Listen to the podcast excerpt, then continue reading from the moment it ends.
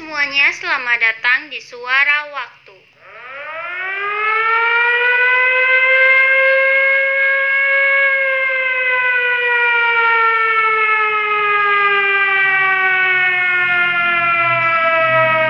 Sebelum kita ke topik pembicaraan, perkenalkan dulu nama aku Dini Rahayu.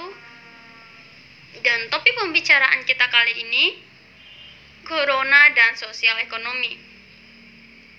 Yap, Corona.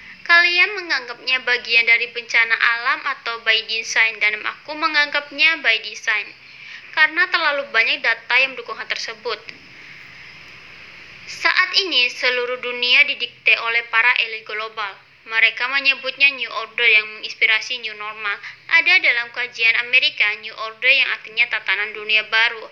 Ada beberapa basis yang mereka gunakan. Basis pertama, seluruh dunia berbasis IT. Basis kedua, seluruh transaksi tidak lagi bersifat tunai. Bila menggunakan pendekatan pendekatannya Bill Gates dan pendekatan Cina, mereka menyebutnya sebagai penggunaan digital currency atau cryptocurrency.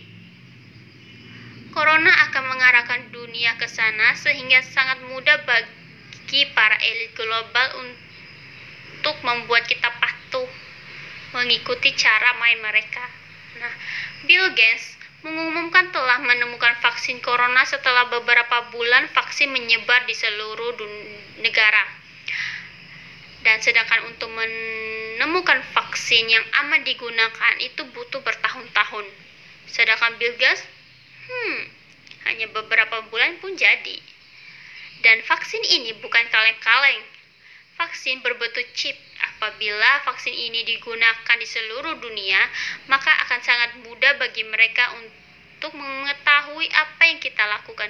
Kayak kita dipantau. Selama pandemi corona, ekonomi di seluruh negara jatuh. Sistem ekonomi terbuka adalah suatu negara akan berjuang sekuat tenaga untuk mendominasi negara lain. Melalui produk-produknya, kaitannya dengan corona, jika kita melihat bagaimana Cina begitu hebat dengan pengobatan herbal, sedangkan Amerika Serikat masih mendominasi produk vaksin dunia, ini terlihat dari 10 besar produsen vaksin dunia adanya di Amerika Serikat. Coronavirus yang tiba-tiba meledak di Wuhan adalah bagian dari perang ekonomi dan perang biologis antara kedua negara tersebut. Amerika Serikat memiliki korban yang sangat banyak. Ada baiknya kita melihat tidak hanya akibatnya tetapi juga sebabnya. Di tengah riuh pemberitaan soal perang dagang antara Cina dan Amerika Serikat, orang melupakan bahwa Cina berhasil melakukan revolusi biologi mengkoling monyet. Keberhasilan revolusi biologi dekat dengan kemampuan membuat senjata biologi. Program transplantasi sejumlah organ tubuh manusia juga ditawarkan walau secara gelap.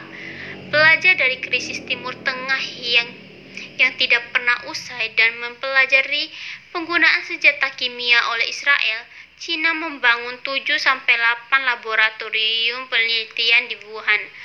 Hal ini juga dipicu oleh ramainya flu babi pada tahun 2009, virus kuku sapi, virus flu burung yang menyerang Hong Kong pada tahun 1997 dan Oktober 2003. Dari hal tersebut, perkembangan isu virus corona sejak akhir Desember 2019 akhirnya dilihat banyak kalangan sebagai kegagalan Cina untuk membangun sistem kesehatan dan keselamatan kerja. Laboratorium di Wuhan dianggap bocor. Cina mengaku hanya memakan korban 80 orang yang mati. Konstruksi ini mengukuhkan dugaan bahwa laboratorium di Wuhan adalah bagian dari senjata kimia Cina yang bocor karena rendahnya kualitas disiplin kesehatan dan keselamatan lingkungan.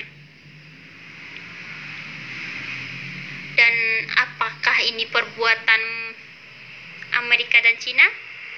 Hmm, bisa kita lihat dari ajakan Xi Jinping pada telekonferensi G20 dia mengundang Donald Trump untuk dialog lebih lembut dan berhenti menetapkan Cina sebagai musuh. Lalu dirunut ke belakang, sejarah perang Amerika Serikat dengan Cina Corona sebagai senjata biologi sebagai wujud dari perang ekonomi atau wabah pandemi.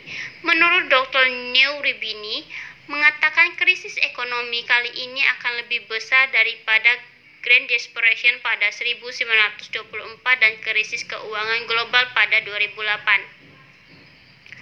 Uh, seram juga ya. Nah, sekian dari pembahasan kita kali ini. Hmm, kita akan lanjut minggu depan. Sampai jumpa. Bye bye.